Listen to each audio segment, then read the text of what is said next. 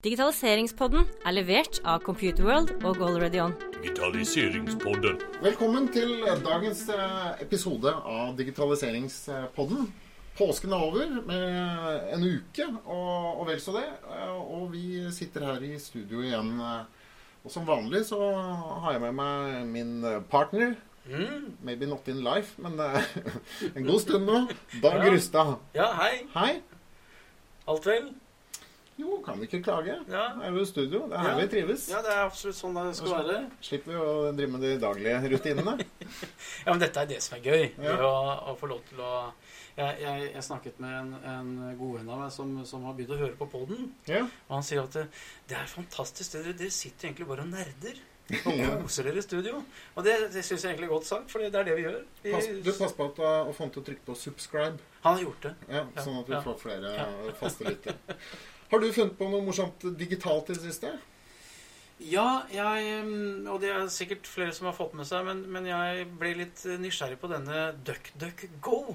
ja. Denne søkemotoren som, som har hatt en, en veldig stor økning i antall brukere.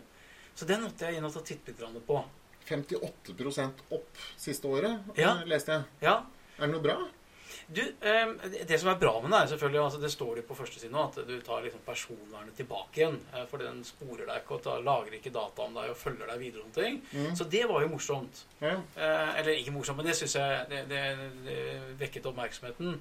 Det jeg syns var interessant, var å se på forskjellen da mellom DuckDuck og eh, Google og de andre som faktisk tracker deg. da.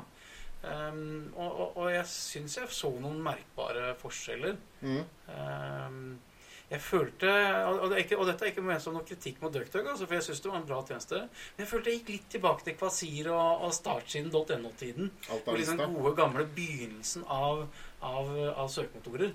Så, for det var helt klart at eh, svarene jeg fikk, eh, var ikke liksom bygd på min profil og min personlige data som er blitt lagret fra før av. Ja, for det er jo en fordel da, på, på mange måter. Men du gir jo fra deg Ja, ja. personvernet eh, på en måte. Det var morsomt å se Det jeg synes var morsomt med det, var hvordan vi mennesker godtar endring over tid. Og, og, og når du da går tilbake og ser på DuckDuck, så Oi, ja, men det var jo sånn det var. Ja. Eh, den, liksom, den wake-up-callen der, da. Det var litt artig. Mm. Så eh, anbefaler alle å gå inn på duckduck.com og, og teste ut litt det. Det var artig. Mm. Har du gjort noe spennende i det siste, da, Jens Christian? Du, eller, du gjør jo alltid noe Ja, spennende, da, men, men, men eh, hva har du gjort? Nei, akkurat i dag så har jeg mekket litt studio. Ja, Jeg jeg prøvde en ny, eh, å få inn en ny mikrofon, for jeg prøver hele tiden å få bedre lyd. I begynnelsen så sleit vi jo med mye ekko og, og sånn.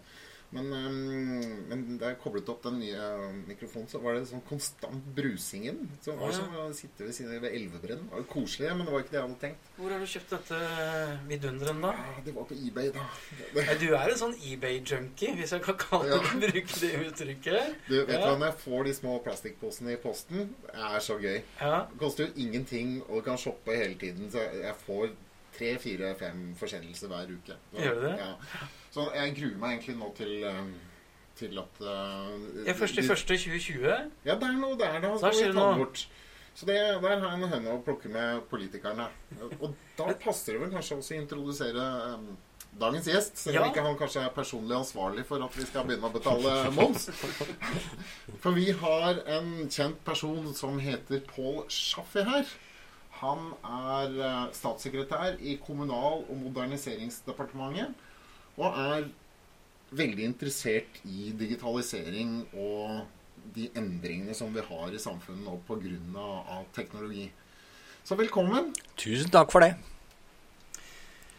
Jeg blir jo direkte nysgjerrig eh, på, på, på, på reisen din.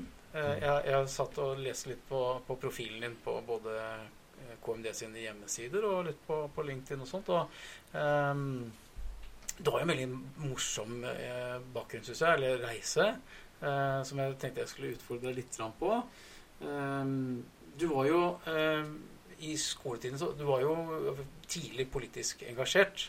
Eh, Jeg skjønte du var eh, Du har jo vært medlem av Sosialistisk Ungdom.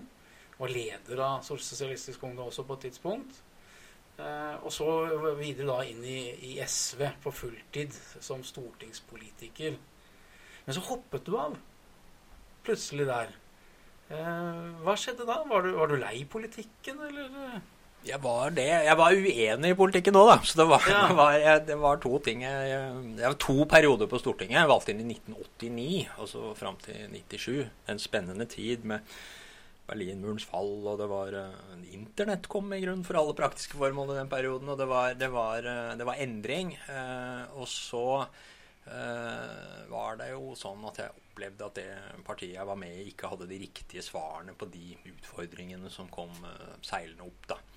Eh, og det, ikke sant, Jeg var leder i eh, Sosialistisk Ungdom lokalt i Bærum samtidig med at Jan Tore Sanner var det i Unge Høyre. Og så var vi ledere nasjonalt eh, og vært på mye skolevalg og sånn eh, sammen. Og litt ironisk var det jo at det var han som ringte meg i 2013 da jeg kom tilbake igjen. Men jeg, jeg, var, jeg, var, jeg hadde jo ikke gjort noe annet, sånn at jeg var, jeg var opptatt av jeg var uenig, og så, og så hadde jeg lyst til å gjøre noe annet enn å drive politikk. Som produsere resultater på en litt annen måte enn å stå på talerstolen i Stortinget og stille spørsmål.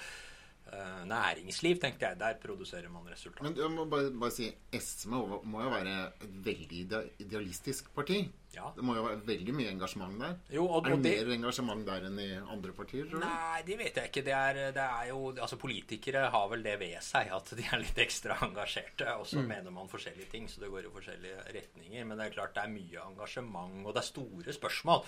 Eh, mot, Kamp mot fattigdom og løse miljøproblemer. og det er, det, er jo, det er jo spørsmål som er større enn en selv, og som, som på en måte er viktige. Min, min utfordring var jo ikke eh, at de spørsmålene ikke var viktige, men, men det var at jeg syns svarene ikke var gode nok. Eh, Og det gjaldt særlig to ting. Det ene var eh, synet på internasjonalt samarbeid. Eh, jeg ble mer og mer for, eh, for eh, europeisk samarbeid, da, EU og, og, og så videre. Og etter, særlig etter at den kalde krigen var slutt, så tenkte jeg at nå er det viktig at hele Europa kommer sammen. Eh, Og så var det marked, det økonomiske systemet. Jeg mener at eh, det venstresiden er altfor negative til, til det. Jeg mener at det fungerer for alle praktiske formål veldig godt, men selvfølgelig må det reguleres og styres på noen områder. Men å avskaffe det og erstatte det med et annet økonomisk system, eh, som man da kaller sosialisme eller noe sånt, fant jeg ut var en dårlig idé. Så da tok jeg spranget til den ja, ikke, ja, langt ut på den andre siden politisk og ble etter hvert medlem i Høyre. Ja. Det sies jo også at um, altså, de, de som i ungdommen ikke har vært medlem av, av SV, har ikke noe hjerte. Mens de som ikke er med i, i Høyre som uh, voksne, ikke har noe hjerne.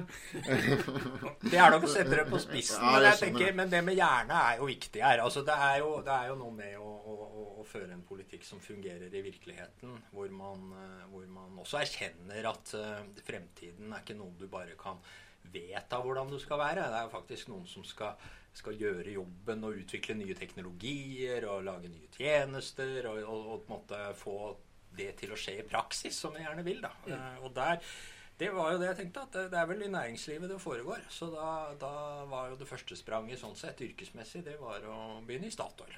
Eh, og en fordel der er jo at de har så mange utfordringer eh, rundt seg eh, som har med politikk og samfunn å gjøre. At selv om du bare har SV på CV-en, som jo ikke sånn sett er, er den beste CV-en kanskje man kan ha når du skal være i næringslivet, så, så, så funka det. De tenkte at her kunne jeg gjøre en, eh, en jobb. Men en når begynte du der, da? det var vel i, eh, i eh, 1998, begynnelsen av 1998 begynte jeg der. Som var der. Ja, først så var jeg i det som i store selskaper heter konsernstab, som altså var for helse, miljø og sikkerhet. Det er jo noen funksjoner som er lagt eh, nær, ligger nær konsernledelsen, som går på tvers. Typisk eh, HR, da, personal, økonomi, eh, kommunikasjon. Eh, altså helse, miljø og sikkerhet, som er et veldig viktig område for eh, energi- og oljeselskaper. Veldig viktig både sikkerhetsmessig å, å gjøre ting ordentlig, og ikke minst miljømessig. Er det det samme som det de nå kaller corporate social security? Nei, Responsibility. respons- ja. Jo, men, men vi jobbet jo en del med det, for det bringer kanskje økonomi og kommunikasjon og HMS sammen. Mm. men men allerede før du liksom kommuniserer hva du gjør, så er det jo viktig å faktisk gjøre det. Så der var det jo sikkerhetsingeniører som var opptatt av eh, både hvordan du designer ting, sånn at det skal være trygt og sikkert. eh, beredskap, hva du gjør hvis, eh, hvis det skjer en, en, kommer en ulykke, en hendelse. Det gjør det dessverre av og til i, i den bransjen. Det var folk som jobber med, med helsespørsmål og liksom, helsetjenesten for de ansatte, og ikke minst offshore-ansatte. Eh, og, og klimapolitikken seilte opp da, og da er det jo ikke bare å snakke om det, men det er det å finne nye løsninger og gjøre ting på smartere måter. og eh, og, og stille måle og stille krav til egen virksomhet. Men var du borti noen, eh, noen kriser eller noen vanskelige situasjoner der, eller? Uh, ja, det var hendelser mens jeg jobbet der. Det var en brann på Sleipner-plattformen bl.a. som Mm. gikk bra. De, de evakuerte og fikk eh, slukket den, men det er jo Mm. veldig dramatisk når sånne ting skjer. Ingen som omkom? Eh, nei, det var ikke det der. Og det var det heller ikke på en annen stor eh, hendelse som var på den tiden, som ikke var offshore. En, en eh, jernbaneulykke på Lillestrøm stasjon med, med propantanker. Ja, den husker jeg. Eh, som noen sveisere måtte inn og lage en fakkel i eh, jernbanevogner som bare sto og brant. Altså. Så det var, det var et team som kom fra Sverige og, og, og, og, og fikk, som var spesialister på akkurat det. da. Men det var jo en, eh, de, folk- Folk måtte jo evakuere eh, da det skjedde på Lillestrøm. eh, mens den Og, Det høres ut som risikotillegg, altså. Ja. Men, men så gikk veien videre til eh, Abelia. Ja. Ja. Og det var jo eh, Da hadde jeg det godt og fint i, i Statoil. Jeg jo tenkt at næringslivet er et bra sted å være. Så, men så var det det, da, at eh, NHO, eh, som på den tiden hadde Kristin Clemet også som viseadministrerende direktør, var opptatt av å, å si, fornye seg og være mer attraktiv for teknologi og, og, og kunnskapsbransjer og konsulentbransjer og det liksom framvoksende tjenestenæringslivet eh, med mye teknologi og kompetanse. Eh, og så var det ikke noe helt klar sånn organisatorisk tilhørighet. Så det bygget rett og slett hadde ønske om å bygge opp en ny organisasjon, en medlemsorganisasjon for den type bedrifter. IT og litt til. Eh, og da ble jeg kontaktet av en headhunter, og var, så det hadde jeg i grunnen ikke tenkt på at uh, det var uh, aktuelt. Men det, i den ideen syns jeg var veldig god da jeg fikk presentert den. Og Hvilket år var det? det var i 2001. Ja. Og det var også en spesiell tid, fordi eh, Så du har vært litt gründer, da? Ja, mm. det har jeg. Det, det er fordi NHO er jo organisert sånn at det er foreninger for byggenæring og for industri. Og, og, og det er jo selv om man er del av et, et fellesskap, så er det egen økonomi og egne styrer, og, og, og du har ansvar for dine egne resultater i de virksomhetene. Så jeg har vært i styre med, med Microsoft og Telenor og med, med Sintef og, og store virksomheter eh, i styret. Det var spennende. Tolv år holdt jeg på med det, da. Ja. Mm. ja det er gøy. Og, Og bygde opp. Da ble det jo en eh, av de store organisasjonene innenfor NHO. Ja. Og så eh, Da ville du tilbake igjen i politikken Det var ikke noen plan. Nei, men eh, men nei. det som skjedde, var jo at det ble et uh, valgresultat i 2013 som ga et annet flertall. Og så var det forhandlinger på Sundvolden, og da hadde jeg, var jeg jo medlem og var litt aktiv i kulissene. Eh, Men jeg hadde jo ingen eh, langtidsplan om å bli politiker igjen. Men da ringte Jan Tore Sanner fra Sundvolden akkurat etter at eh, denne regjeringsplattformen var ferdigforhandlet. Da var det Høyre og Fremskrittspartiet som var de to partiene som var enige om å danne regjering med støtte av Venstre og Kristelig Folkeparti i Stortinget. Og han sa da at han skulle lage et nytt departement som ville være en sammenslåing av to og et tredjedels tidligere departement. Et nytt kommunal- moderniseringsdepartement. Eh, og sette i gang kommunereform og, og, og, gjøre, og fange tidstyver og eh, fornye, forenkle, forbedre. Eh, rett og slett eh, omstilling og fornyelse i offentlig sektor. Og lurte på om jeg ville være med på det. Og det kunne jeg ikke si nei til, for da hadde jeg ment så mye om hva politikere burde gjøre i, i 16 år da, siden jeg sluttet selv. Og da var jeg jo i opposisjon. Så det å prøve å være posisjonspolitiker, det å ha ansvar, det Ja. hørtes eh, veldig spennende ut. Men fikk du mange reaksjoner?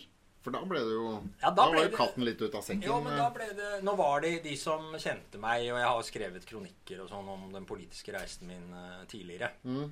Særlig ti år tidligere så var det en artikkel jeg skrev som fikk ganske mye medieoppmerksomhet. Men det ble likevel en, eh, en ny. Jeg var i Dagsrevyen og da, da regjeringen ble utnevnt og måtte igjen uh, forklare hvordan eh, jeg hadde gått fra SV til Høyre. Og det syns jeg i grunnen er ganske hyggelig, fordi jeg, mener jeg har gode argumenter for hvorfor det er lurt. Så ble, da ble det en, en, ny runde. Selv om jeg nok var av de som hadde vært med ganske lenge på det tidspunktet. Jeg tror det var andre som hadde vært med kortere tid i partiet, som ble utnevnt da. Men, eh, men, men, det var veldig hyggelig. Og siden Nå har jeg jo vært en stund, så nå er jeg, hatt, eh, jeg er oppe i tre statsråder. Og det siste i år er jo da at vi har fått en egen digitaliseringsminister, Nikolai Astrup, som jeg nå uh, har som sjef. Mm. Du, jeg, jeg, snakker jo med folk i andre land. Vi har jo utviklere bl.a. i Ukraina. Uh, og de er jo veldig imponert over at vi har en digitaliseringsminister. Mm. Og alle i hvert fall øh, ferdes jo mye i IT-miljøet. Mm. Alle syns jo også det. Liksom, det var akkurat det man trengte i egentlig alle land for tiden. Mm. Hva tror du om det? Jo, det tror jeg er bra. Jeg, men, men jeg, jeg, tenker at uh, det er uh, jo uh, en, en, en, en, utfordring selvfølgelig i digitaliseringen i at den er så tverrgående. Mens mye av det vi har i samfunnet, også i offentlig sektor, er veldig sektorinndelt. Uh, og helseministeren har jo ansvar for digitalisering i helsesektoren, og kunnskapsministeren i, i, i skoler uh, og osv. Så, videre. så Så det, det, er, det, er, jo veldig viktig at det ikke bare er et, uh, et, et, måte, en, en, merkelapp eller et navn, et utspill, men at det betyr noe for den måten vi jobber på. At vi klarer å bli enda bedre på å jobbe på tvers. og at mm Fordelen med å ha en digitaliseringsminister i en regjering er jo at da er det én av stemmene rundt bordet i hvert fall som har det som sin aller viktigste sak, mm. og som kan se det perspektivet i alle andre saker. Uh, og det, det, det, tror jeg kan uh, det, det, er viktig nå, fordi ja. nå, nå, skjer det så mye uh, som, som, også som påvirker offentlig sektor. ikke Med, med, men, raskere nettverk, 5G, større datakraft hele tiden, nettskyløsninger. Ehm, stordata. Vi utnytter dataene våre for dårlig og er i ferd med å tilrettelegge bedre for det. Robotisering. Altså da kunstig intelligens på toppen av det hele. Mm. Mm. Uh, og da er det jo viktig at vi uh, måtte gjøre de riktige tingene, og gjør de riktige tingene i riktig rekkefølge. Ja. Jeg, jeg, jeg, kom på en ting som jeg hadde lyst til å, å, å høre med deg først liksom har en av de store politikerne eh, i rommet. Ehm, vi har hatt tidligere besøk av Bennik Bygstad, en professor på, på Universitetet i Oslo. Um, som, som, nevnte dette med at digital ledelse er liksom at det at man har fått I tillegg til at man før hadde man penger og mennesker, og nå har man penger, mennesker og teknologi. Um, hvordan har det vært i politikken? Altså det, før så har man liksom styrt politikken på kjente premisser og, og, og, og uh, styringsmekanismer. Men teknologien har vel også vært en, en ny sånn eh, ting som har liksom tatt eh, plass i politikken. Eh, hvordan har det politiske landskapet klart å ta det til seg? Har man gjort det på en god måte nå? Er man oppe og liksom kan styre godt med teknologien inne i politikken, eller er vi mer å gå på der? Vi har helt klart mer å gå på. No, noe av det vi Altså, jeg tenker digitalisering har jo det er jo ikke et nytt tema. Det har vært der ganske lenge, og noen av oss har jo dere òg har holdt på med, med å være, si at det er viktig i veldig mange år. Ja. Men, men, men, det har kanskje vært litt sånn egne avdelinger, egne ansvarsområder. Eh, det har vært egne kapitler i stortingsmeldinger med digitaliseringsperspektiv. Og så gradvis så kommer det inn i liksom mainstream. Og, og, og det, det, opplever jeg nok særlig nå de siste par årene så har ting endret seg, og det har fått en mye mer altså Erkjennelsen av at det er en forutsetning for veldig mye av det andre vi holder på med, er blitt mye sterkere enn før. Det har mm. fått uttrykk politisk i at statsministeren leder regjeringens digitaliseringsutvalg, digitaliseringsminister. Vi har gjort endringer i virkemiddelapparatet i offentlig sektor ved å få ting sammen eh, som, som passer sammen, sånn at vi får større kraft i det arbeidet som skal gjøres. Eh, og så er det jo eh, Utfordringen med det er jo at det da er et lederansvar på en helt annen måte enn tidligere. Det er ikke mm. ekspertene, men det er folk som absolutt ikke er teknologieksperter men som har ansvar og makt og, og budsjetter og, og, og, skal få ting til å skje. Mm. Uh, for jo mer strategisk rolle teknologien får, jo viktigere er det jo at det er på det nivået man tar uh, disse diskusjonene. Og det har det... vi jo sett i mange år, i hvert fall når ja. vi har jobbet mot ledergrupper og, ja. og, styrer, og du prøver å selge inn uh, en, en, applikasjon eller løsning, så, så er det veldig mange uh, om eldregarden som har liksom trukket seg litt tilbake og sagt nei, det har liksom ikke noe med businessen vår å gjøre den digitaliseringen. Mm. Og, og, det har jo snudd, syns jeg, de siste årene. Det, mm. altså For 10-20 år siden så var det en helt annen eller i hvert fall 10 år siden også, mm. det var en helt annen holdning til digitalisering. Da var det mer eh, noe som IT, IT-avdelingen holdt på med, egentlig, som du sier. Mens i dag så er du jo nødt til å bygge businessen basert på de elementene som er i, eh, innenfor digitalisering. For du skal interrupte eller disrupte andre næringer for å kunne vinne. Men, men, ja, ikke sant? Og, men, men det er jo fortsatt en, en lang vei å gå. Hvis du, hvis du er i en, en statlig kultursektor eller en kommunal helse- og omsorgssektor, så er det jo ikke digitaliseringskunnskapene dine som avgjør om du blir eh, kommer inn som leder der. Sant? Det er jo andre Du må kunne det området. Vi er veldig spesialiserte i, i sånne fagområder, og så kommer denne digitaliseringen inn og forvirrer dette litt. da, fordi at du må hele tiden ta stilling til ting som har med det å gjøre. Og, og noe av det vi har gjort i staten, er jo rett og slett sende toppledere i departementene og i etatene på, på kurs for å, for å lære å forstå hva digitalisering gjør med virksomhetene. Hva slags muligheter som er der, hva slags spørsmål du skal stille. Eh, Hvilke saker du skal være opptatt av og ikke opptatt av. Høre, lære av folk som har gjort bra ting, men også av folk som har hatt prosjekter for eksempel, som ikke har gått så bra. For at vi ikke skal gjøre de samme feilene igjen som vi har gjort tidligere. Men, Den, men funker det? Dette skal jo være i DNA-et til, til lederen. Ja, men, men det, det gjør det. Eh. Og, og så er det jo ikke noe alternativ heller. Eh, sånn at vi må gjøre hele tiden bygge videre på det vi allerede har gjort, og sånn at fått det til å fungere bedre og bedre. Men, men, men det er jo ingen garantier for at alt vil være liksom, det, det, som digitaliseringen gjør med oss, er jo også å stille oss overfor noen nye utfordringer. Vi skal lage nye tjenester, nye ting vi ikke har gjort før. Eh, og da er det jo en usikkerhet. Så hvor mye usikkerhet risiko skal vi tåle i, i, i det offentlige? Det er, jo, det er jo ikke gründerbedrift. sånn at man skal jo ikke liksom sette hele virksomheten på spill. Nei. Men faren er jo at man blir for forsiktig, eh, og at alle i, i apparatet rundt er så opptatt av eh, skal vi si, beskytte virksomheten og lederne og politikerne mot eh, ting som kan gå galt. At du velger å ikke gjøre noe i det hele tatt. Men der har vi jo hatt verktøy i næringslivet i, i mange år. F.eks. lean-tankegangen. Der, du, der du tester ut eh, skal vi si, sånn delleveranse først. Kanskje det som bare møter menneskene eller publikum der ute. Og så eh, manuelle prosesser i bakgrunnen for å ikke dra på deg for mye kostnader. Og når du ser at publikum begynner å bruke det, så kan du bygge på med mer avanserte applikasjoner i bakkant, f.eks. Dette er jo verktøy som det offentlige kan Ja. bruke også. Og jeg mener vi gjør det jo mange steder, og at mange virksomheter egentlig har snudd på strategiene sine, hvor, hvor det kanskje tidligere var sånn at man skulle liksom bygge hele systemer og ha litt med at budsjettprosesser noen gang premierer det. fordi skal du få en satsing, må du ta alt på en gang, for det kan bli så mange år til neste gang du får noe. Ja. Uh, og så heller lage modul, ting som oppmuntrer til å bygge moduler. Ta bruker det frontend mot brukeren først, eh, sånn at folk ser mm. måte, fordelene, i stedet for at det kommer til slutt mange år etterpå. Altså så, Sånne måter å tenke på. Eh, og hvor, hvor jeg tenker også selvfølgelig har eh, offentlig sektor mye å lære av næringslivet. Og en offentlig sektor skal også bruke denne delen av næringslivet, og ikke, ikke utvikle alt selv, men å, å bruke de løsningene som er best og mest effektive, og som løser oppgaven på en god måte.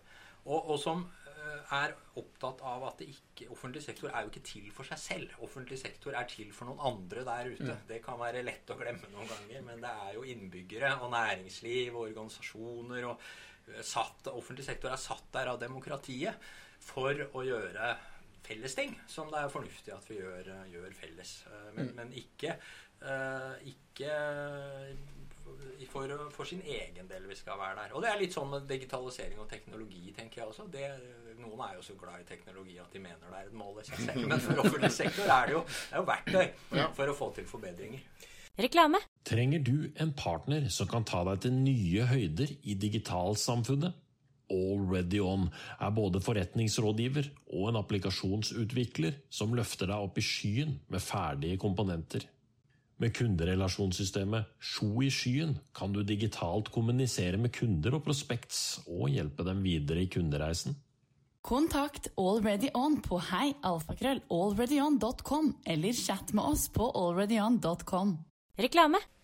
Du har jo tidligere i, i noen blogginnlegg eller kronikker skrevet at eh, vi har et digitalt forsprang i, i Norge. eh, globalt. Eh, du sier ikke at vi er best, men vi er litt oppe opp i tetssjiktet. Eh, hva, hva- legger du i at vi, vi har et forsprang? Hva, hva er det vi er gode på her i Norge som, eh, som er viktig å poengtere? Jeg, jeg tror det er særlig to ting som eh, har gjort at vi har, eh, har kommet i den posisjonen. Det, det ene er eh, Jeg tror faktisk folk er litt glad i teknologi i Norge. Det er nysgjerrighet på å prøve ut nye løsninger og finne ut om det er mer effektivt enn den gamle måten å gjøre det på. Altså sånne ting som eh, nettbanker og elektroniske betalingssystemer og sånt. Og det er jo noe som har lykkes også fordi at folk veldig raskt har tatt det i bruk. Eh, Samme gjelder jo selve skattebetaling også, hvor, hvor det er liksom populært å gjøre det. Eh, Og i det offentlige så er det en annen ting som jeg tenker er, er viktig. Det er at vi, vi, har, vi, vi, har et, vi er et samfunn med veldig høy tillit. Sånn at uh, vi stoler på at når eh, noen kommune eller stat lager et system, så, så er, det, er det sikkert og, og ivaretar personopplysninger, og det er korrekt. Mm. Eh, Det er ingen garantier for at det alltid skal være sånn. Så jeg tenker det er en av de store utfordringene framover. Det er jo å beholde denne tilliten. eh, Og ikke sette den på prøve ved å lage noe som eh, ikke, ikke oppfyller de eh, kravene. Men, men vi, eh, vi, vi, vi har jo vi, vi, vi har vært gode på data i Norge. Vi har registre. Det har jo ikke engang med digitalisering å gjøre, for vi begynte med det lenge før det. Eh, som, som, uh, men, men den måten å jobbe på tenke på og dokumentere på, den gir oss eh, store fordeler. Definitivt. Jeg, jeg har jo kommet fra registersiden selv. Jeg har jobbet med mange år. Og, og man skal ikke langt nedover Europa før man ikke har type registre som vi tar for en- gitt her i Norge. Er det noen som ikke har folkeregister? Ja, det er eller i hvert fall mange som, eller flere land som har Mange som som- ikke har et felles eh, nasjonalt folkeregister. Ja. Sammen, Det, må som- det, jo som- det var jo i de dager. Det var jo 2000 år ja, siden. ja. Jo, og, og bilregister og eiendomsregister og sånt, det er ikke, det er ikke det er ikke gitt det i alle land, altså. så, så vi er langt fremme på akkurat de tingene. Og, det er jeg helt enig med, deg på, at eh, en av de viktigste tingene for å kunne drive med digitalisering, er jo å kunne eh, identifisere eh, både personer og objekter eh, for å kunne lage eh, automatiserte løsninger, f.eks. Mm. Um, Da er vi litt inn på dette da er vi litt på det sånn hendelsesbaserte tjenester, tenker jeg, når vi begynner å snakke om hvordan vi kan sette sammen registre for å kunne eh, lage tjenester i forhold til eh, livshendelser. Eh, det er så populært å snakke om når man får barn eller skal ha barnehageplass osv. Men dette er viktige ting for, for innbyggerne og innbyggerbaserte tjenester. Litt sånn opp imot den digitale agendaen fra 2016 som, som er en sånn stortingsmelding. Og- og Hvordan ligger vi an der? Nei, vi ligger bra an på noen områder, tenker jeg. Men, men uh, dette er noe Vi jobber med en digitaliseringsstrategi for offentlig sektor nå. uh, hvor, uh, hvor vi har vært opptatt av, er opptatt av å, å, å- peke på hvordan skal vi gå videre med tenking rundt livshendelser og tjenestekjeder. For det er jo sånn at det, det innbyggerne er opptatt av, forskjellige faser i livet, ikke nødvendigvis samsvarer helt med hvordan stat og kommune er organisert. ikke sant? En etat vil være opptatt av hva er det som er innenfor våre vegger, og hva er det som er utenfor. Og det andre er jo noen andres ansvar. Eh, Et eksempel på det som var i media nettopp, var jo eh, at eh, vi har en sånn medfinansieringsordning for små og mellomstore IKT-prosjekter. hvor helsestasjon og det å knytte barnefødsler ikke sant? Det er jo en stor og viktig hendelse i folks liv. og det er, mye, det er mange å forholde seg til, og det er mye informasjon. og Stort sett er det jo sånn at de det gjelder, da, mødre og fedre, håndterer det selv. Men de må, de må transportere informasjon mellom de forskjellige de må forholde seg til. Det er jo egentlig unødvendig. Det er jo sånn at du kan lage Det er digit, det er jo gjort på mange andre områder i samfunnet. Men her er det jo snakk om helseopplysninger, det er personsensitive ting. det må det, det kan ikke gjøres gjennom Facebook eller den Nei. type ting. Så, men, Men da er vi også litt inne på litt sånn type lov... eh, Altså Ja. regulatoriske eh, sperrer, da, eller kombinasjon av, bremseklosser. av, av en teknologisk løsning som Mm. gjør at du håndterer det som er liksom, personvern og, og helseopplysningsregler. Mm. Eh, Men noen områder må vi jo se på lovverket, om det er digitaliseringsvennlig nok. Det er lett å si da at GDPR er jo ganske nytt, fordi det kom i, kom i fjor. Men på den annen side så har jo personvernet i Norge vært ganske sterkt i mange år. Så det er, jo liksom, det, er ikke noe, det er jo egentlig ikke noe nytt. Nei, jeg Så- tenker òg det. At det er en videreføring av det som egentlig er en veldig sterk norsk tradisjon. At personopplysninger bare skal brukes til det formålet de er samlet inn for. At vi har klare eh, måte, rettigheter og, og får informasjon om, om hvordan det fungerer.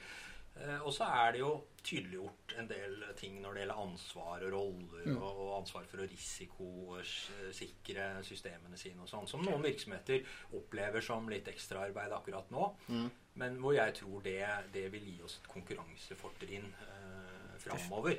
I, I en verden hvor ikke alle er like opptatt av personvern som vi er, så kan det være en god ting, tenker jeg, for Det- norske. Definitivt. Jeg tenker også at uh, igjen, uh, vi er langt framme på registeret, og vi er langt framme på personvern. Jeg tror nok det er mange andre land i Europa som har en uh, lengre reise i GDPR-perspektiv enn det vi er, er i Norge.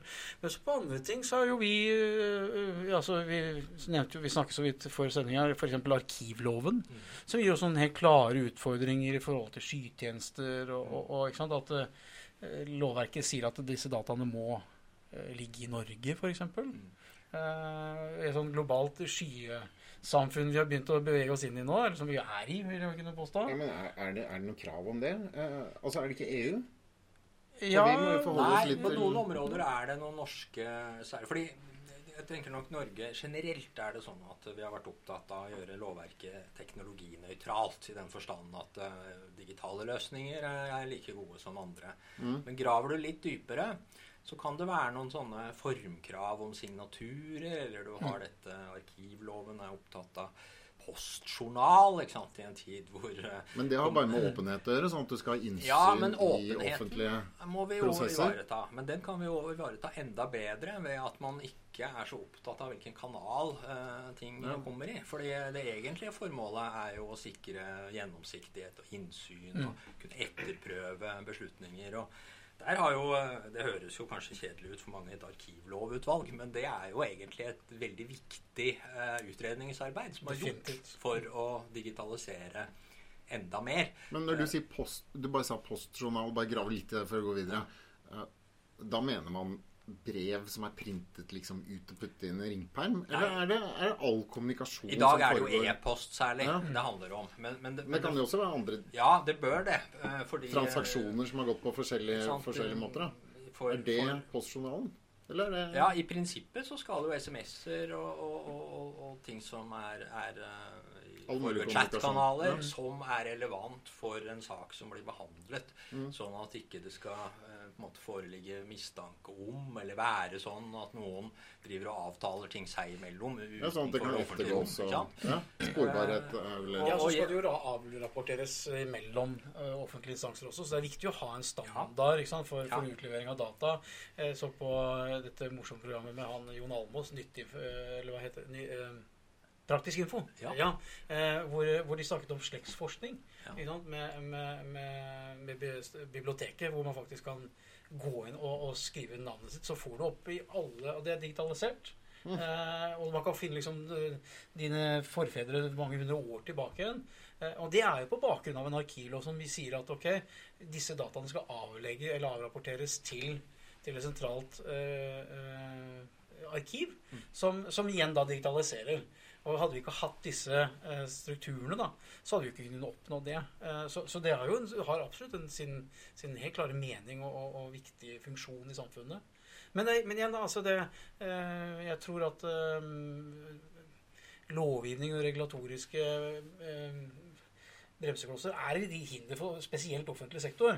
Jeg har jobbet mye med folkeregister, annet, og der står det jo at ja, alt skal sendes til folkeregistrert adresse. Ja, hva er det i dag, da? altså, er det, er det bostedsadressen din, eller er det er det, di, er det, er det um, digepostadressen din, eller e-boks? eh, altså, ja. Mange Nei, og- utfordringer i denne sammenhengen. Mm. det offentlige selv, og, og noen ganger pålegger det offentlige næringslivet uh, måter å gjøre ting på som, som ikke er digitaliseringsvennlige nok. Vi har, vi har fortsatt uh, noen sånne kjeder på andre områder som involverer næringsliv, innbyggere og det offentlige, i, rundt byggesaksbehandling f.eks., og planbestemmelser, og hvor, hvor mye er gjort, men, men, men det er fortsatt veldig mye mer vi kan Men få. den, den må vi komme innom etterpå, men det er én ting jeg tenkte vi skulle um, ta opp først. Ja. Eh, Og det, det er at du er um, Du har sagt at du er litt sånn tallnerd og veldig interessert i sånn befolkningsstatistikk. Og samtidig så dro du frem dette med, med trust, eller hva vi stoler på. Har du bare lyst til å høre noen fun facts om, om hva, hvem vi stoler på? Eller det er egentlig det, hva de stoler på i USA. Jeg får- opp statistikken min her. Vet du hvor mange prosent som stoler på en brannmann i USA? 61 prosent. Og det er på toppen av listen. Det er på toppen av listen. Og så kommer vi ned på, på en eh, advokat. Ja, 16 ja. Journalist, det er kanskje enda verre. Ja. 13 Ja, Og politikere, da. Ja, Er det det hadde, det hadde jeg ikke tenkt å si, si noe om. Men de er på samme nivå som eh, bruktbilselgere. Ja. Ja. 3 ja. ja. 3 som tror på det. Ja. det men, så, så jeg tror vi er en ganske spesiell posisjon vi er- i Norge. Ja, for USA er annerledes på det. Eh, Men USA er jo mer likt de fleste andre land i verden. Det er mye fake news der. Altså. Det- Ja, men i Norge er, jo, er nok alle disse tallene jekket noen trinn opp. For vi har jo et stor tillit til hverandre i Norge. Ja. Det er noe av det. altså... Men det er klart, altså hvis du ser på det på en annen måte, vinkler det, så du ser bare på politi, eller politi også ligger høyt oppe på listen. Dette er jo offentlige instanser, dette også, som, som, som representerer offentlig sektor. da. Mm. Men, men eh, for- fra forskjellige vinkler. eh, Så er det klart at eh, vi har jo stor tillit til offentlig sektor. Ja. Det er, jo, det er en forfatter som eller Jeg husker ikke hva han heter, for noe, men han har skrevet en bok som heter 'Speed of Trust'. Uh, og, og der han snakker egentlig om at business går mye fortere hvis man har uh, trust eller uh, Ja. tillit til hverandre. Så jeg var på et foredrag med han der noen år siden. Men der dro han frem at Skandinavia var de som hadde størst trust til hverandre. Og at av den grunn så kunne jo også da businessen gå mye fortere i, eh, i Jo, men tenk all, all, den, all, all den kontrollen du slipper. All, all den, eh, på en måte etterprøvingen eh, som, eh, som andre Hvis du i utgangspunktet ikke stoler på andre mennesker, så er det veldig mye du skal ha på plass av mekanismer for å være helt sikker. Ja, og jeg tror at altså en av, Det er et godt eksempel det du sier. for En av de tingene til at vi har god tillit til hverandre i næringslivet, eksempel, er at vi har et godt finanssystem. Eh, altså i, I Norge så har vi vel en kredittid på litt i overkant av 30 dager. Drar man ned til eh, lenger sør i Europa, så har man kredittid oppe i 120-160 dager. Det er klart at det gjør noe med tillit. Eh, Ja. Du har, du har, du har innkrevningsprosesser og som, som ivaretar og bygger opp under at man kan ha tillit til hverandre da, på en helt annen måte. Så, så, så jeg tror at, eh, at eh, uten at folk egentlig tenker og vet om det, så, så er tilliten til offentlig sektor ganske stor.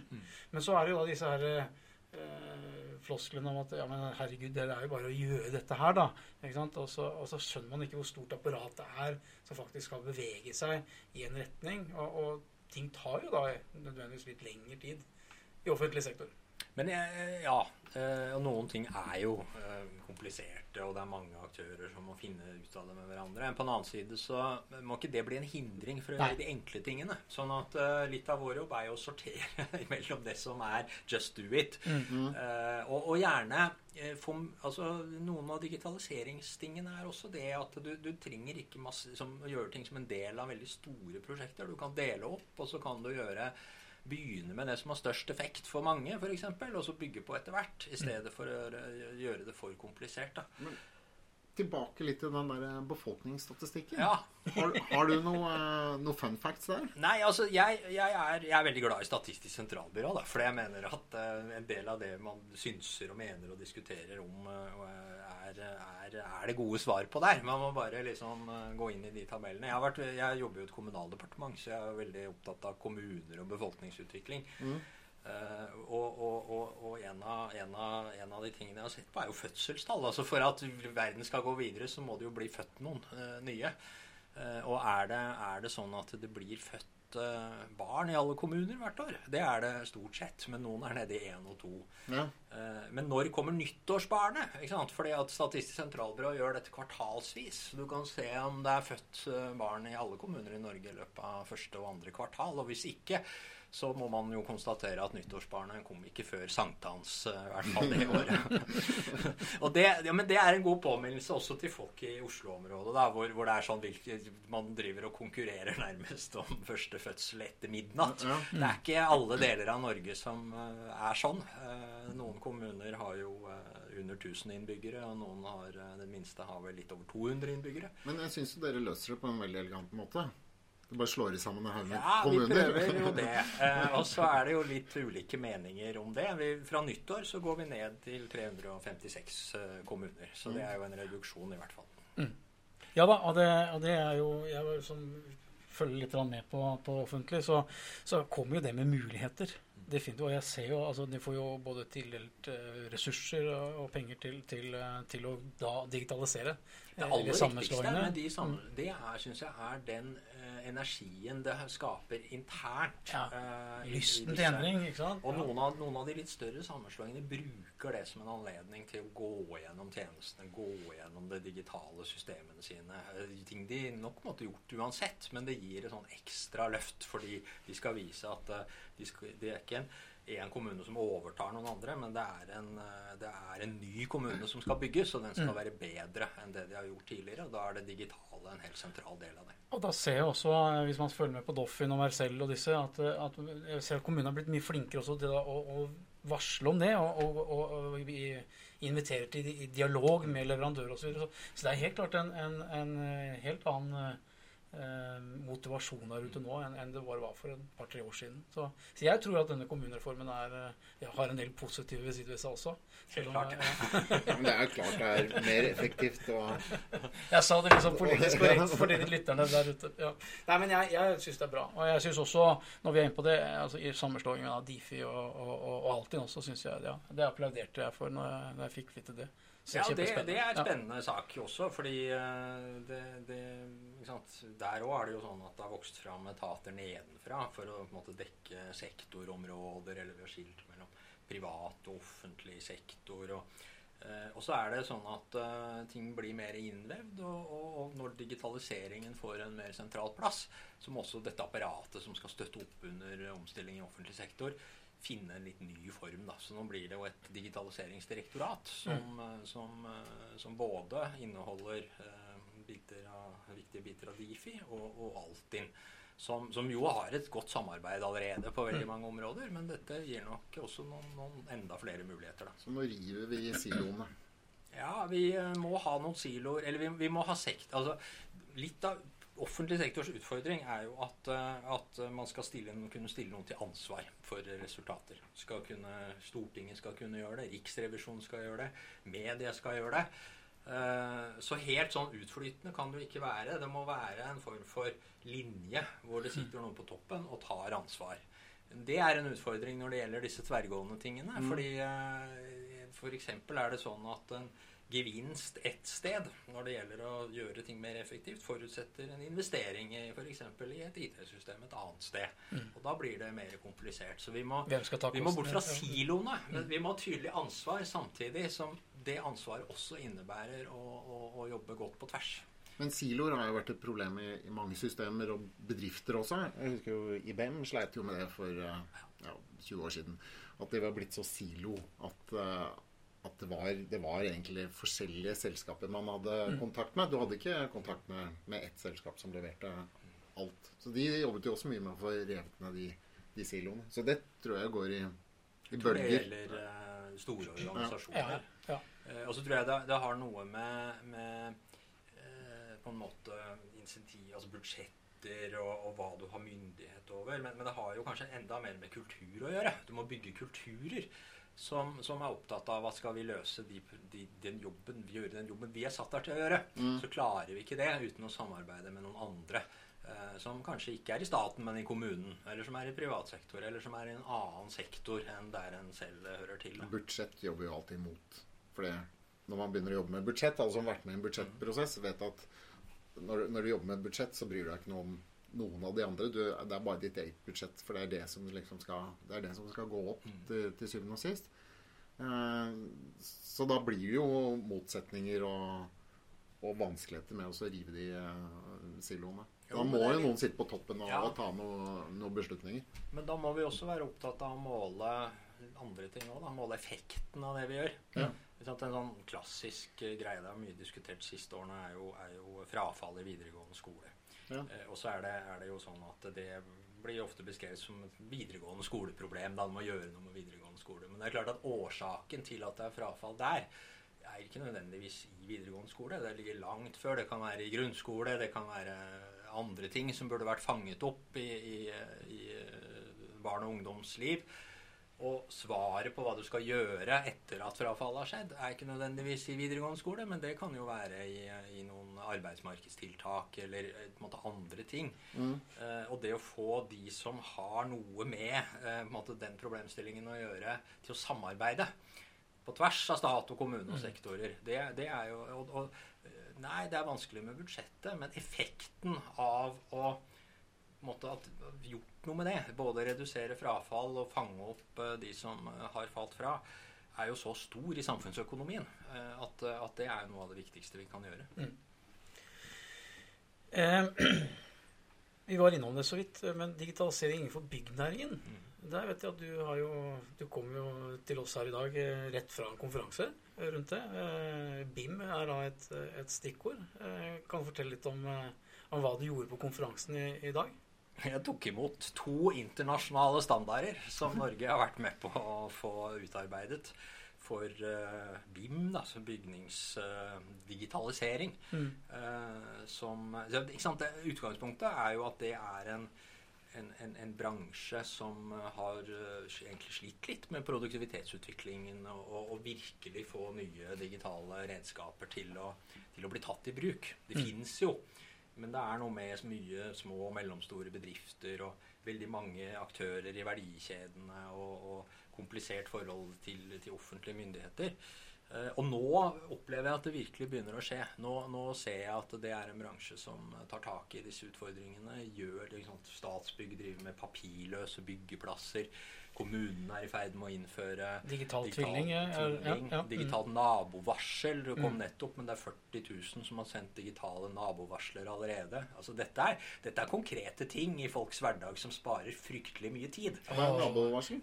Ja, det er når du skal varsle naboen om Klage på en hekk? Nei, Ja, nei, du, det- du, når du skal gjøre endringer på boligen din, da, så, Ja, sånn, så må du varsle naboene. Det er jo regler for sånt. Fasadeendringer og forskjellige Ja, ja, ting. ja, det, ja, det, du skrive brev, fylle ut skjemaer, og hvis folk ikke er hjemme, så må du sende i posten rekommandert, og så må de som skal ha det, må på postkontoret hente det. Altså, du bruker jo masse tid på noe som Det sånn sett ikke er nødvendig. aldri hyggelig å få noe rekommandert. Nei, men, men her er jo problemet at det ofte er ting som ikke er så viktig for den som mottar det, men det er noen Mm. formkrav da, i lovverket som gjør at det må gjøres. Eh, Gjør du det digitalt, så, så tar det jo bare en brøkdel av tiden. Ja, definitivt. Jeg var gjennom den prosessen for fem år siden, og jeg må si at byggeprosessen eh, ble, ble forsinket betraktelig pga. all den manuelle jobben jeg måtte gjøre i forbindelse med nabovarsel. Ja, det var mindre endring. lang tid tar det? Er Nei, det, det- fordi det- de protesterte, Nei, naboene, eller? ja, nei, i mitt tilfelle så var det ikke det. Og det kan det jo være også, selvfølgelig. Men, men, men eh, det er den tiden at det, det skal, folk skal være hjemme, og skal, du skal ha mulighet til å snakke med dem, forklare hva du skal gjøre. Så, og hvis du da, i mitt tilfelle, har en, en enebolig med flere Jeg hadde jo til og med to kommunale tomter eh, inntil meg. ikke sant? Jeg måtte til og med gå til kommunen og få underskrift. Som jeg selv etterpå skulle sende inn svaret til til slutt. da. Ikke alle som får til dette her. Nei, altså, det, det var eh, Nå hadde Nei, men Hvis du ikke gjør det, så kan du jo få problemer etterpå. Ja. Fordi det er noen lovkrav. Ja, da må det rives igjen. Da kan det Ja, i verste ja, tilfelle måtte rive. Ja, ja. Nei, så det er helt klart. Og det, jeg skulle gjerne sett at den, eh, at den var der for fem år siden. For det hadde vært forenklet mitt liv, i hvert fall. Ja. Har, vi har Ja. fått det samme på, på type eh, samhandling på, på boliglånssøknader. Der er det jo nå sånn at eh, når man skal ha boliglån før, måtte man ha med lønnsslipper og selvangivelse og sånn til banken, og så måtte de liksom prøve å finne ut av økonomien din. Ja. Nå kan du gi en tillatelse til at de kan slå opp i Altinn, tidsavgrenset for de opplysningene de trenger. Eh, Så det er altså ikke sånn at bankene kan gå rundt og snoke etter personopplysninger, Ja. men såkalt samtykkebasert. Så når du gir tillatelse, og det gjør du jo selvfølgelig, for du sparer jo mange uker eh, kanskje, på, på i hvert fall mange dager. Eh, Og dette er jo et samarbeid mellom privat sektor, finansnæring og, og myndighetene som, som har blitt veldig bra. Og Ja. det blir flere sånne, sånne prosjekter. ja, og der har de vel også robotifisert eller brukt mye kunstig intelligens for å behandle lånesøknader og forsikringssaker, eh, egentlig. Eh, Noe som gjør at eh, behandlingstiden går jo ned og bruker mye mindre tid på det. Ja, Som beslutningsstøtte for de som skal på en måte si ja eller nei, så er jo, eh, er jo det kjempespennende verktøy. Jeg vet at Statens lånekasse bruker det for å avsløre folk som jukser, ved at de f.eks. får penger for å være borteboere, men så er de egentlig ikke borteboere. Der er det jo en kontrollordning, Mm. men, men ikke så veldig treffsikker. Eh, og så kan eh, kunstig intelligens da hjelpe til å gjøre det mer treffsikkert. Ja, hvordan finner de ut av det? Ja, det- Jeg vet ikke hva de, nøyaktig jeg, hva de putter inn i algoritmene. Men det er jo ved å se på noen eh, kriterier, antar jeg, da, for, for å måte være enda mer treffsikre enn de har vært. Det høres jo veldig enkelt ut, da. Altså liksom bare Få inn gode datamodeller i bånn, og så legge på et godt uh, applikasjonslag på kundefronten, så har du liksom en fantastisk løsning. Eh, og noen ganger så er det jo så enkelt. Uh, Men det er ganske avanserte greier de holder på med. Jeg, eh, det, vi hadde jo for ikke så lenge siden litt sånn uh, juks med noen reiseregninger. Og da Ja. de som etterforsket det, begynte å snakke om at de hadde vært inne og sett på Facebook. Og så hadde de sett på bilder som var lagt ut på Facebook, og så hadde de sett på hvilken vei skyggene gikk i forhold til hvor mye klokka var. ja. Det var Aftenposten, kanskje, som holdt på med Stortingets reiseregninger. Ja. Eh, ja, jeg tror, det- tror det var det. Men, men eh, da de snakket om Ja. hvilke verktøy de brukte for å analysere dette her, og hvis det da gjøres også med kunstig intelligens Og så er det jo noen utfordringer, da. For det er jo, det er jo, eh, det er jo noe med at vi må, vi må være Vi må vite hva vi Altså prediksjon er litt skummel sånn sett. Fordi det er jo Først du nevnte forsikring. Hvor, hvor, hvor mye er det riktig å gradere eh, i forhold til en del type opplysninger? Kanskje vi ikke vil eh, ha eh, den type vekting på en del områder. Mm. Det, det er noen etiske vurderinger, beslutninger. Kanskje de som programmerer, har noen fordommer som blir programmert inn i systemene, sånn at det slår ut i noen sånne skjevheter vi egentlig ikke ønsker i samfunnet. Dette kommer til å bli noen spennende debatter uh, framover, tror jeg. Ja, jeg, vi har hørt om tidligere at eh, forsikringsselskap ønsker å kjøre logg på bilen din. Altså hvor fort du kjører, og hvor fort du kjører i forskjellige fartssoner. Eh, og hvis det er greit for deg, så er det greit for deg, og da får du en lavere premie. Men hvis du av en eller annen grunn, og det kan være fordi du er litt restriktiv med hva slags innsyn forsikringsselskapene skal ha hos deg, sier nei, så vil de jo anta at du gjør et eller annet kriminelt, eller uh, noe som er utenfor deres uh, regelverk. Mm. Og det blir jo feil. Og de grensene og hva vi ønsker og ikke ønsker, det er jo også politiske diskusjoner. Jeg var på en konferanse i går i eh, Bergen som, om robotisering og kunstig intelligens og disse utfordringene vi møter. Hva er det vi kan overlate til maskiner å avgjøre? Eh, Et spørsmål som ble stilt der, er når det gjelder syntetisk eh, tale, da, eller maskin Du snakker med en maskin. Skal man da eh, gjøre oppmerksom på at det er en maskin eh, det blir snakket med? Til nå har ikke det vært noe stort problem, fordi at de har ikke vært gode nok til at du, eh, Ja. du, har, du har hørt forskjellen. da.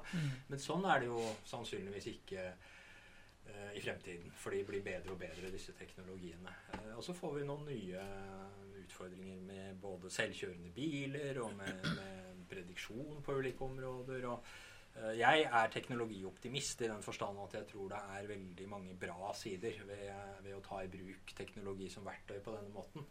Men det er klart det er jo også noen utfordringer, og, og det er kanskje noen måter å bruke teknologi på vi ikke ønsker. Men eh, bare når vi snakker om AI Kommer AI til å bli farlig for mennesker? Altså, det, det der er jo en, en utrolig spennende debatt, rett og slett fordi at det er vel en, den teknologidebatten jeg kan huske de siste årene hvor avstanden mellom uh, synspunktene har vært størst. Ja. Altså, det, er, det er jo de som sier at verden kommer til å gå under fordi, fordi uh, disse Ja, maskinene blir smartere. Terminator og, Ja. og Ellen Musk har jo også sagt det at uh, vi skal passe oss for, for AI, for snart så kommer det et breakthrough som gjør at vi ikke kan styre lenger. Styrer ikke lenger. Og så er det på den andre siden eh, liksom singularity-tilhengere som mennesker og maskiner går opp i et større hele, og, og verden blir bare mye bedre, rett og slett.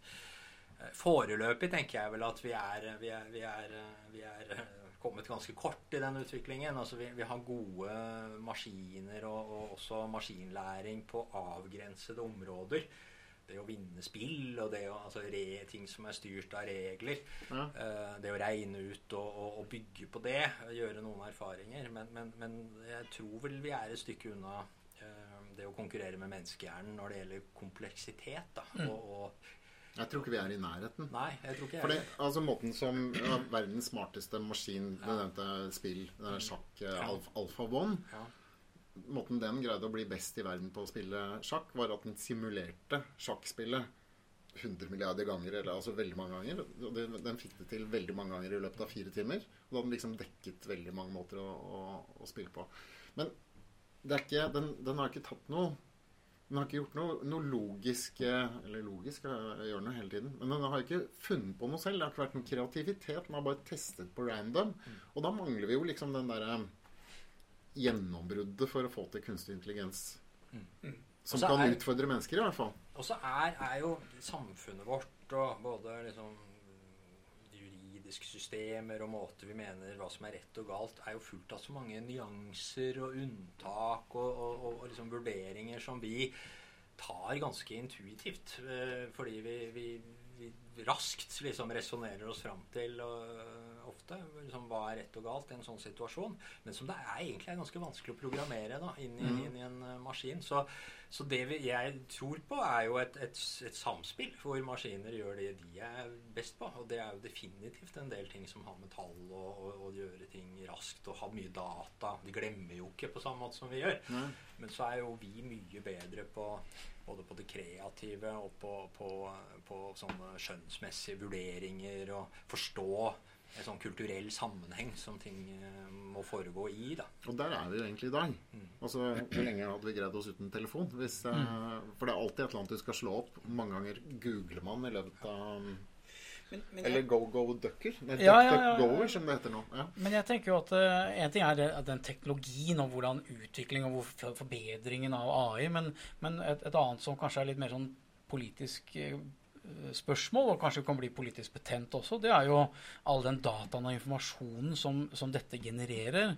Hvem skal ha eierskap til disse dataene? Vi ser jo det i dag at det er jo noen fåtall store teknologiselskaper som vet mer om verdens innbyggere enn det eh, de eh, enkelte nasjoner vet om sine eh, borgere. Ikke sant? Eh, Gaffa. altså, blir blir, altså, hvis vi setter sånn ordentlig på, på, på, på spissen, da utfordrer vi på en måte Norges suverenitet som nasjon med, med, det, med at dataene flyr ut? Altså, Google og, og, og Tesla vet jo mer om norske bilister nesten enn enn det Statens vegvesen gjør. Eller ikke nesten, det vet vi at de gjør.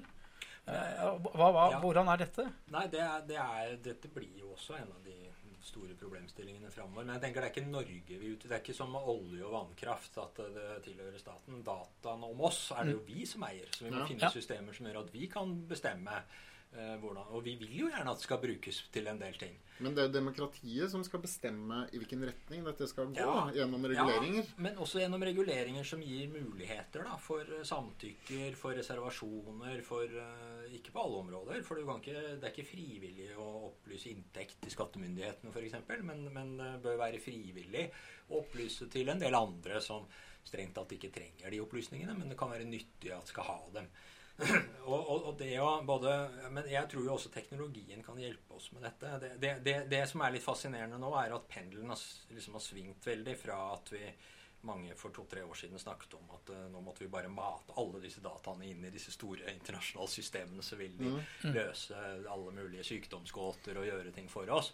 Nå er vi, nå er vi der at det er blitt mye tydeligere uh, både en del sånn selskapsmakt og en del sikkerhetsutfordringer ved det. Eh, Men det, vi må ikke slutte å dele for det. Vi må, vi må finne måter å gjøre det på som gjør at vi får ut verdien av eh, disse dataene på en, på en god måte, samtidig som vi eh, beskytter eh, personvern og sikkerhet. Ja, jeg ser at eh, nå har vi vel brukt vår tilmålte tid. Eller med podkast så har du uendelig med tid. Vi kan bare bli, fortsette å prate i, i all evighet. Nei, men jeg tenkte vi skulle avslutte med, med et litt sånn halvpolitisk uh, fremtidsspørsmål. For du var jo litt innom selvkjørende biler. Når tror du at vi kommer til å ha Altså at regulering innenfor norsk lovverk kommer til å tillate at vi har eh, 100% selvkjørte biler?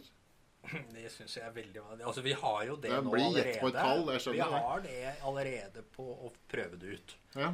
Så tror jeg utviklingen vil være sånn at det ikke er et big bang om 10 eller 15 år at da er det plutselig fullt frislipp. Man kan f.eks. tenke seg at noen altså, type transporttjenester eh, har eh, mulighet for det.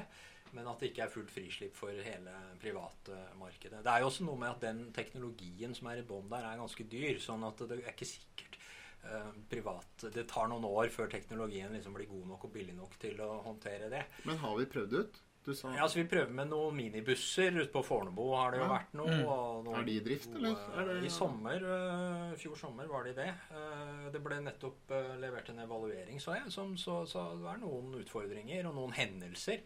Eh, Så dette rykker jo liksom gradvis fram. Men, men, men man kan jo også tenke seg at øh, noen, noen type transportvarehandel... transport, varehandel Norge ligger jo veldig fremt, langt fram på skipsfart og autonom skipsfart. Ja, det var et prosjekt der nede nå som jeg skjønte Enova har gitt en del tilskudd til i forhold til å ha et selvgående skip, altså fraktskip. Det er jo kjempespennende. Er Uten folk i det hele tatt? Ja, både lossing og, og, og, og kjøring av, av skipet på verdenshavene skal være autonomt. Det er spennende. Så det er ikke et menneske om bord?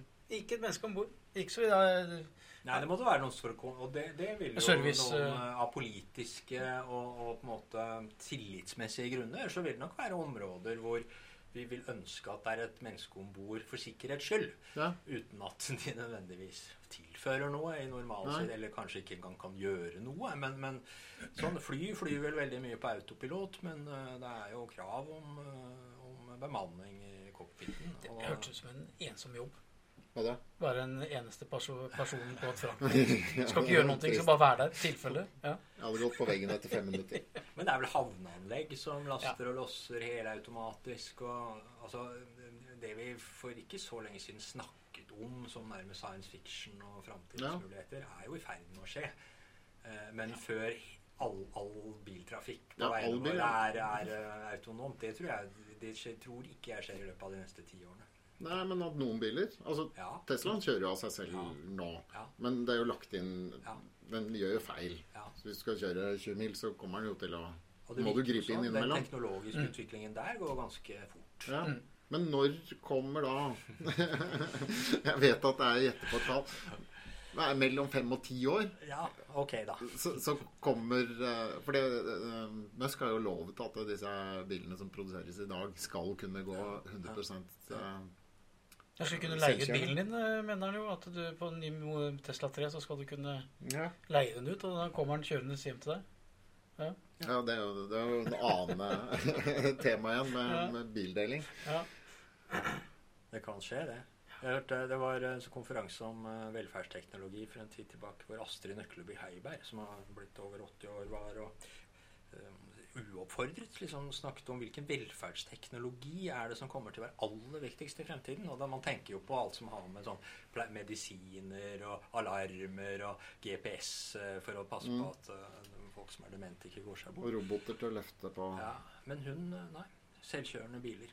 Det gir mobilitet for folk som i dag ikke, sant, ikke, Ja. ikke kan kjøre bil, og faktisk kan treffe andre folk og komme seg rundt. Og jeg tenker Det, det, er, et, det er også en, en viktig grunn til å ikke se på disse sektorene isolert, da, men å løfte blikket litt. Jeg tenker, ja, Hovedproblemet på mange her er jo, er jo egentlig ensomheten. Eh, og hvis en sånn teknologi kan, eh, og det kan det, bidra til å gjøre noe med det, så er jo det en fantastisk ting for samfunnet. Så derfor må vi heie på den type teknologi. Der kommer jo VR inn som en eh, Ja, konkurrent kan- til uh, fysisk. Du, dette har vært uh, veldig interessant. Det er jo det vi liker å snakke om. Hjernesprengende. Ja, hjernesprengende har det vært. Så vi sier tusen takk. Takk for at du hørte på Digitaliseringspodden, levert av Computerworld og AlreadyOn. Vil du lære mer om digitalisering, eller planlegger digitalisering i din bedrift? Last ned digitaliseringsguiden fra alreadyon.com slash digitalisering. I løpet av 15 minutter kan du sette deg inn i de viktigste uttrykkene innen digitalisering, og ta de første skrittene i din digitalisering. Digitaliseringspodden.